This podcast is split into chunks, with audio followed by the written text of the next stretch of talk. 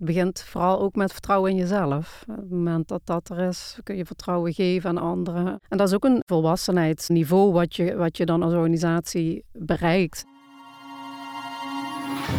Dit is Overdenken, een podcast van de Open Universiteit, waarin ik, Nienke de Jong, praat met hoogleraren en docenten over hun vakgebied, over actuele kwesties en over de mens achter de wetenschapper. I am asking you to believe. Yes, we can. Hoe word je een goede leider? Wir haben so vieles geschafft, wir schaffen das. Authenticiteit. Kun je dat leren? Dat heeft te maken met het totale mensprincipe. Hoe zorg je voor een goede werkomgeving? Ik probeer een visie over te brengen op die spelers. In deze aflevering van Overdenken ga ik in gesprek met Nadine Royakkers, hoogleraar Open Innovatie aan de Open Universiteit. Nadine, vandaag gaan we het hebben over leiderschap. Eigenlijk, hè? Authentiek leiderschap. Ja, want wat maakt een goed leider? Aan welke eigenschappen moet je dan voldoen? Nou ja, authenticiteit is denk ik wel een belangrijke basis. Vertrouwen geven aan mensen om je heen. Vertrouwen op eh, hun expertise en hun, hun professionaliteit. Ja, controle loslaten. Niet alles willen tot in de details beheersen. En uh, mensen ook vooral ruimte geven om zelf inzicht op te doen. Om, om hun, hun eigen pad uit te stippelen. Uh, samen schets je een stip op de horizon waar je naartoe wilt. En dan is het vooral uh, um, ja, faciliteren, begeleiden en, en coachen, juiste vragen stellen. Uh, zodat mensen weer, weer verder kunnen uh, op het moment dat ze ergens tegenaan lopen. Was jij vroeger ook al als kind al heel erg geïnteresseerd in leiderschap?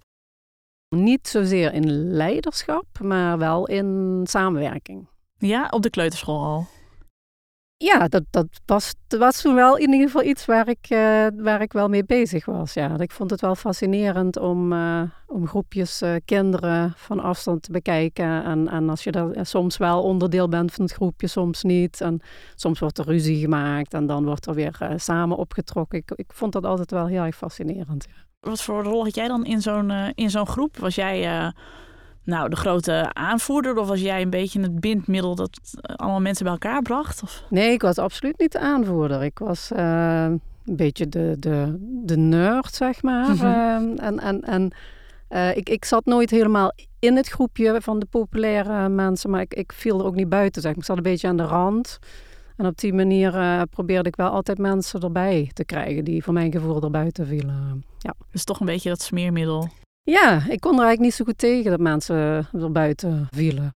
Ik had altijd wel zoiets van, het zijn hele bijzondere mensen en ze moeten er gewoon bij, want uh, het brengt weer ja, nieuwe invloeden in de groep en betere gesprekken. Het kan alleen maar waardevol zijn. Iedereen hetzelfde en op dezelfde manier, dan, dan, ja, dan krijg je inderdaad die creativiteit of die, ja, dat, dat, uh, uh, dat interessante gesprek gewoon minder. Dat, dat gevoel had ik al, altijd al, ja. Verbinding, dat is wel een beetje mijn ja, mijn, mijn kernwaarde of zo. Dat, dat is wel iets wat in mij zit. Ik ben altijd bezig met mensen bij elkaar brengen en, en relaties leggen. Niet alleen tussen mensen, maar ook tussen dingen waar mensen mee bezig zijn. Waar komt dat vandaan? Heb je dat van, heb je dat van huis uit meegekregen? Nee, eigenlijk juist helemaal niet. Dus uh, ik denk dat ik daarom daar naar op zoek ben gegaan al, al heel vroeg. Ja.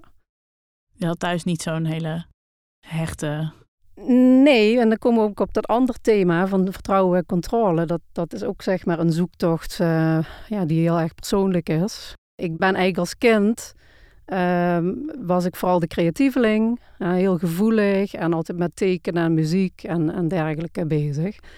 En dat had heel veel te maken met de relatie met mijn vader, die eigenlijk precies zo was. Um, en ja, mijn vader is helaas uh, op een gegeven moment verslaafd geraakt. En werd een heel ander persoon Um, en toen ben ik zeg maar als soort van overlevingsmechanisme helemaal in de ratio en in de controle geschoten. Dus die zoektocht naar, um, ja, waar, ja waar, zit ik nou zeg maar op dat spectrum tussen controle, vertrouwen en ratio en hart, zeg maar, dat, ja, dat is toen begonnen een beetje. En um, daar heeft dat stukje verbinding heeft natuurlijk ook mee te maken. Want je zoekt altijd uh, vooral op het hart, zeg maar, hartniveau, verbinding met mensen. En dan kijk je van, goh, uh, kan ik met deze persoon iets opbouwen? Kan, kunnen we samen ergens naartoe werken? Dus dat, dat, dat zijn thema's die, ja, bij mij eigenlijk altijd vanuit dat verhaal ja, gespeeld hebben. En je bent dan daar extra voorzichtig mee als je vertrouwen zo jong zo'n knauw heeft gekregen? Nee, nee dat, dat eigenlijk niet. Want ik, ik ga eigenlijk elke relatie altijd heel open en vol vertrouwen aan. Uh, dat is gewoon altijd mijn basis. En ik ga er altijd vanuit dat, dat anderen ook, ook op basis van vertrouwen en openheid uh, opereren. Dat is eigenlijk altijd mijn basisaanname. Dus je hebt eigenlijk een soort van je superkracht ervan gemaakt dat je en zeg maar, dat hele gevoelige creatieve ook al had als kind. En dat, dat heb je nog steeds, dat, dat blijft wel in je zitten en de ratio-kant, omdat je goed kon leren uh, dat je dat bij elkaar kunt brengen, zeg maar. Ja, dat zijn die twee uitersten eigenlijk. En, uh, en daar moet je dan, ja, voor mijn gevoel, een soort van balans in vinden om, uh, om, om, om goed te kunnen leven en, en te werken. En, maar dat, dat terugvinden van creativiteit, hè, dat, dat, dat, ja, dat is wel echt een, een hele worsteling geweest. om dat weer allemaal toe te laten en weer muziek te gaan spelen en, en dat soort dingen. Dat, alle touwtjes even loslaten en ja. op gevoel te gaan varen. Ja, ja, ja, ja exact. We hebben wat fragmenten hè, over leiderschap. En het mhm. eerste fragment dat past eigenlijk precies bij wat jij nu zegt. In dit fragment zie je Angela Merkel Duitsland toespreken vlak voor kerst 2020. Voor Weihnachten, bevor man Oma und Opa und Großeltern und ältere Menschen sieht, eine Woche der Kontaktreduzierung zu ermöglichen. Ze vertelt dat er toch nieuwe beperkingen nodig zijn om veilig en gezond met elkaar kerst te kunnen vieren. Het valt haar duidelijk zwaar om deze boodschap met het Duitse volk te delen. Ich will nur sagen, wenn wir jetzt vor Weihnachten zu viele Kontakte haben und anschließend es das letzte Weihnachten mit den Großeltern war, dann werden wir etwas versäumt haben. Das sollten wir nicht tun,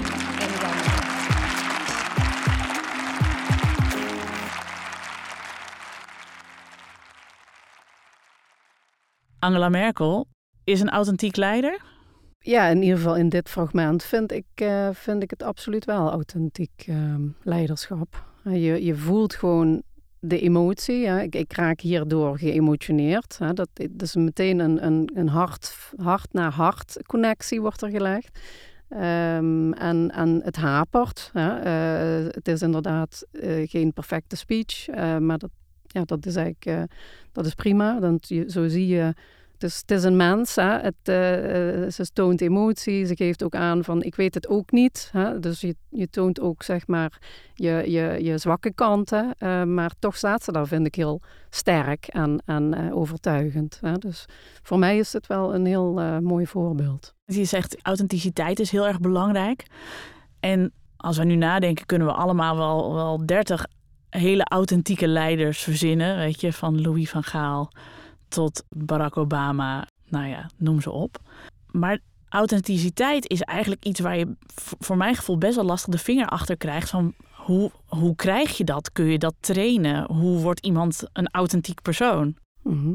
Hoe doe je dat? Ja, jezelf zijn en al die lagen die je om je heen wel verzamelt doorheen je leven, langzaam zelf afpellen. En dat uiteindelijk uh, vooral de, de, kern van wie je bent, dat dat, dat, uh, dat, dat overblijft en dat dat ook zichtbaar is voor mensen. Dat ze zien dat je niet de superman of superwoman bent waar ze een hele grote afstand tot voelen. Want goh, dat, dat is intimiderend of dat kan ik eigenlijk nooit bereiken. Dat, dat je vooral je, je menselijkheid en, en uit, ja, ook, ook wel uitleg hoe, hoe, hoe ben ik gekomen tot waar ik nu ben. Hè? En, en welke keuzes heb ik gemaakt en waar heb ik zelf mee geworsteld. En dat uh, gewoon in alle openheid tonen en laten zien, uh, zodat mensen daar een connectie mee kunnen maken, is volgens mij heel belangrijk voor een leider. Maar dat lijkt me ook doodeng. Stel, ik zou de, ja. ik zou de uh, bondskanselier van Duitsland zijn en ik...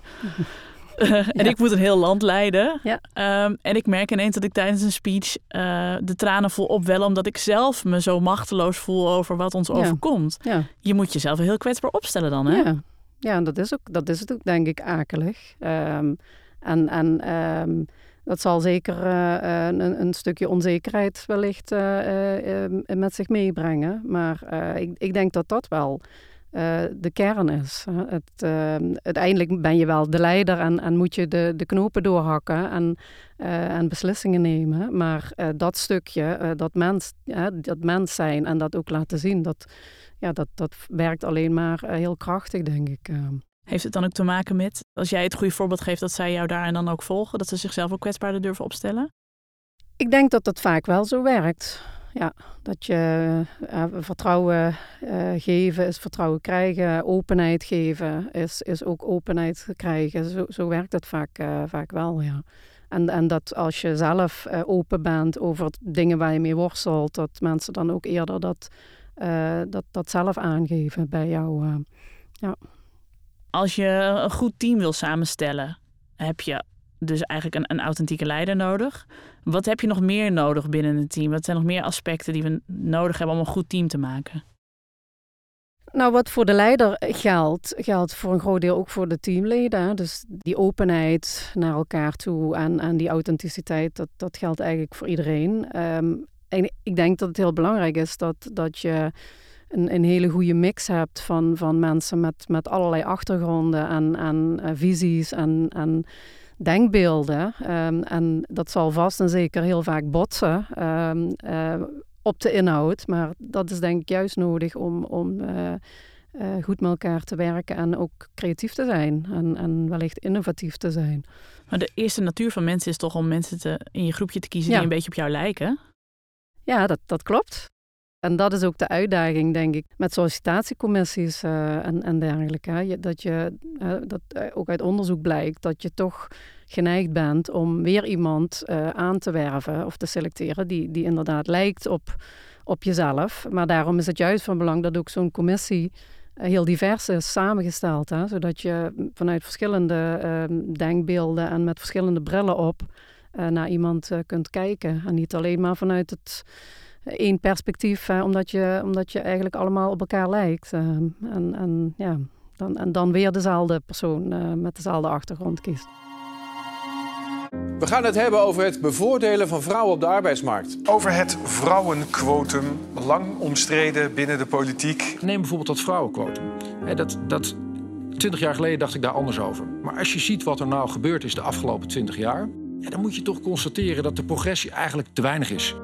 Opnieuw lukt het het bedrijfsleven niet om meer vrouwen in de top van het bedrijfsleven te krijgen. 30% vrouwen in de top van bedrijven. Alleen bijna geen enkel bedrijf heeft dat doel bereikt. In september 2021 werd er een wet door de Eerste Kamer aangenomen die beursgenoteerde bedrijven in Nederland verplicht om tenminste 30% van hun topfuncties te laten bekleden door een vrouw. Nee, om die diversiteit te vergroten moeten soms radicale maatregelen genomen worden. Is die diversiteit zo belangrijk dat we daar echt een quotum voor nodig hebben, denk je? Nou ja, het, lukt blijkbaar niet uh, op een andere manier. Eh, wat je eigenlijk wilt, is, is dat je dat vanuit jezelf, vanuit je eigen ambitie. Uh, en, en je ziet ook dat dat bij, bij bepaalde bedrijven wel zo werkt. Hè? Dat, dat ze gewoon echt overtuiging hebben van wij willen echt streven naar diversiteit. Wij, wij uh, selecteren mensen op, op, op verschillende achtergronden, juist omdat we ervaren hebben dat uh, dat het ons helpt om, om op andere manieren te denken en an, tot andere oplossingen te komen. Uh, en creatiever en innovatiever te zijn. En dat is eigenlijk wat je het liefste zou willen. En, en niet dat het zeg maar opgelegd wordt door middel van een, uh, van een quotum. Je, je moet dat vanuit jezelf graag willen ook. Dat, dat is het meest ideale plaatje. En dan speel ik even advocaat van de duivel, want er wordt dan heel vaak gezegd: ja, maar het gaat toch niet om diversiteit, het gaat toch om kwaliteit. Uiteindelijk willen we gewoon de beste ja. werknemer. Ja, uiteindelijk is dat natuurlijk zo. Het moet niet zo zijn dat kwaliteit wordt ingeboet, uh, maar ik, ik, denk dat dat een, een, ook wel vaak als excuus wordt gebruikt. Want uh, ik kan me niet voorstellen dat mensen met een andere achtergrond uh, minder kwaliteit zouden leveren. Of kwalitatief minder goed onderlegd zouden zijn. Ik denk dat dat helemaal niet klopt. ik denk dat mensen met verschillende achtergronden um, kwalitatief uh, um, gewoon aan elkaar gewaagd zijn. Dus als je het wilt vinden, dan vind je het. Ja, ze lijken alleen, alleen minder op de baas, dat is het. Dat is het, ja. ja. En dan herken je de kwaliteiten misschien niet zo snel. Zit die diversiteit ook nog in andere dingen? We hebben het nu over mannen en vrouwen. We hebben het over verschillende uh, achtergronden? Gaat het ook om verschillende type mensen? Ja, eigenlijk alle, alle vormen van diversiteit, denk ik. Is, uh, het is niet alleen maar man, vrouw of, of uh, afkomst. Of, het is denk ik ook inderdaad verschillende persoonlijkheden. De, de, zodat je ook um, um, ja, gewoon eens goed met elkaar in de clinch kunt gaan, zeg maar, op, op, op inhoudelijke topics. dat, en, en het um, wrijving hebben met mensen met wie je werkt. Dat, dat, uh, dat geeft ook vaak ja, zeg maar ruimte voor, voor, uh, voor zelfreflectie en, en voor groei.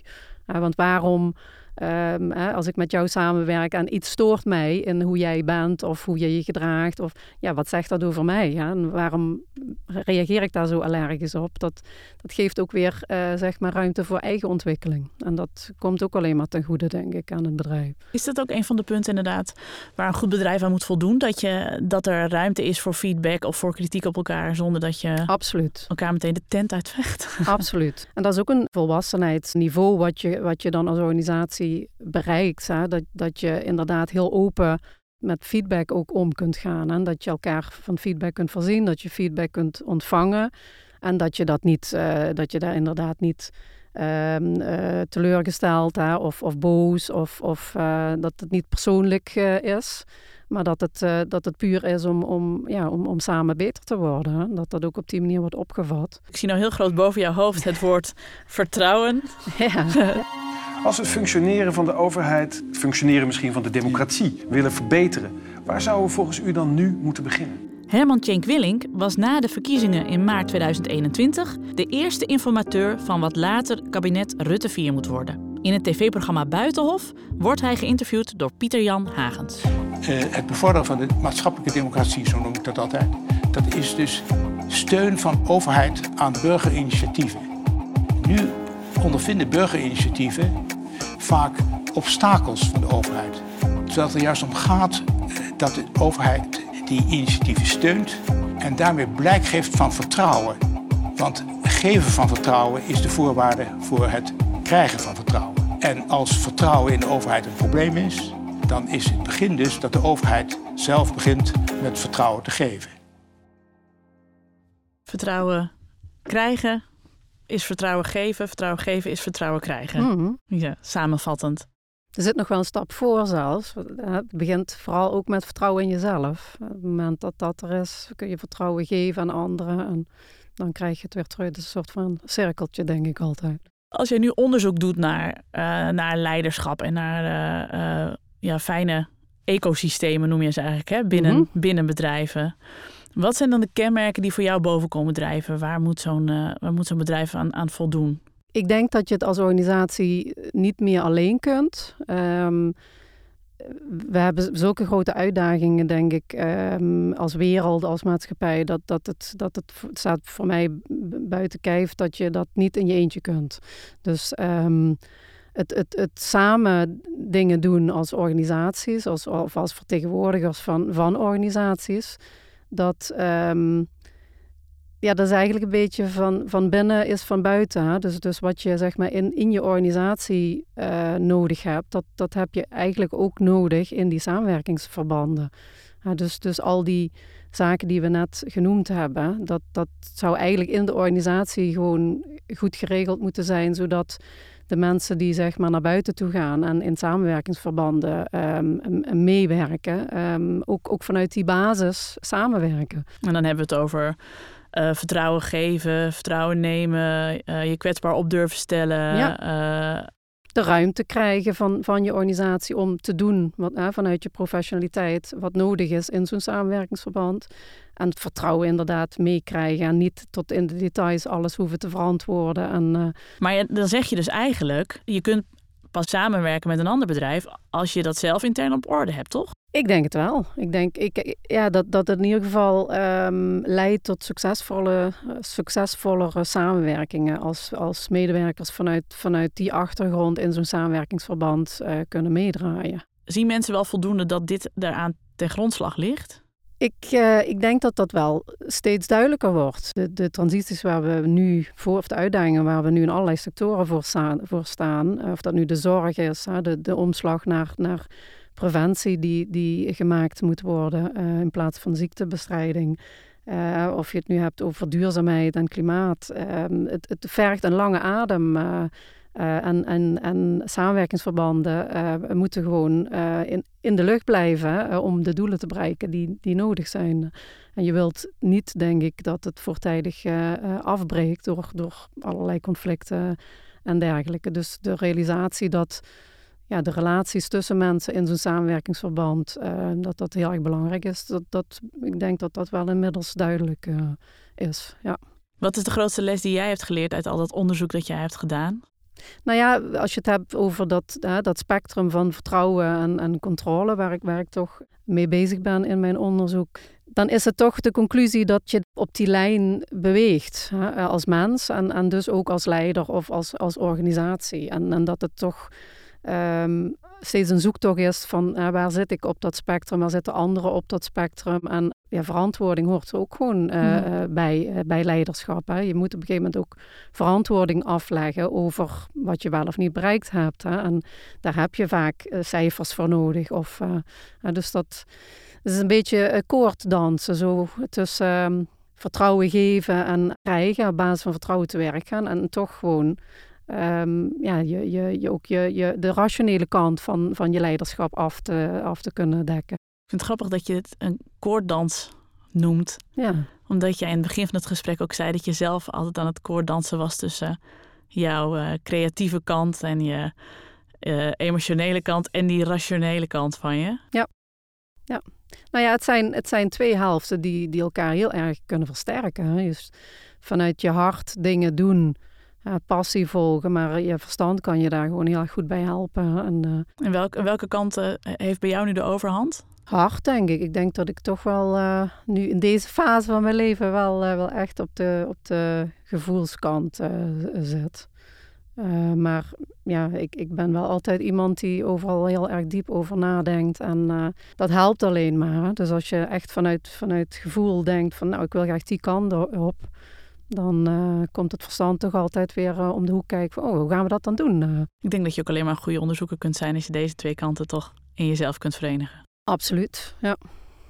ja. Dankjewel voor dit gesprek. Graag gedaan.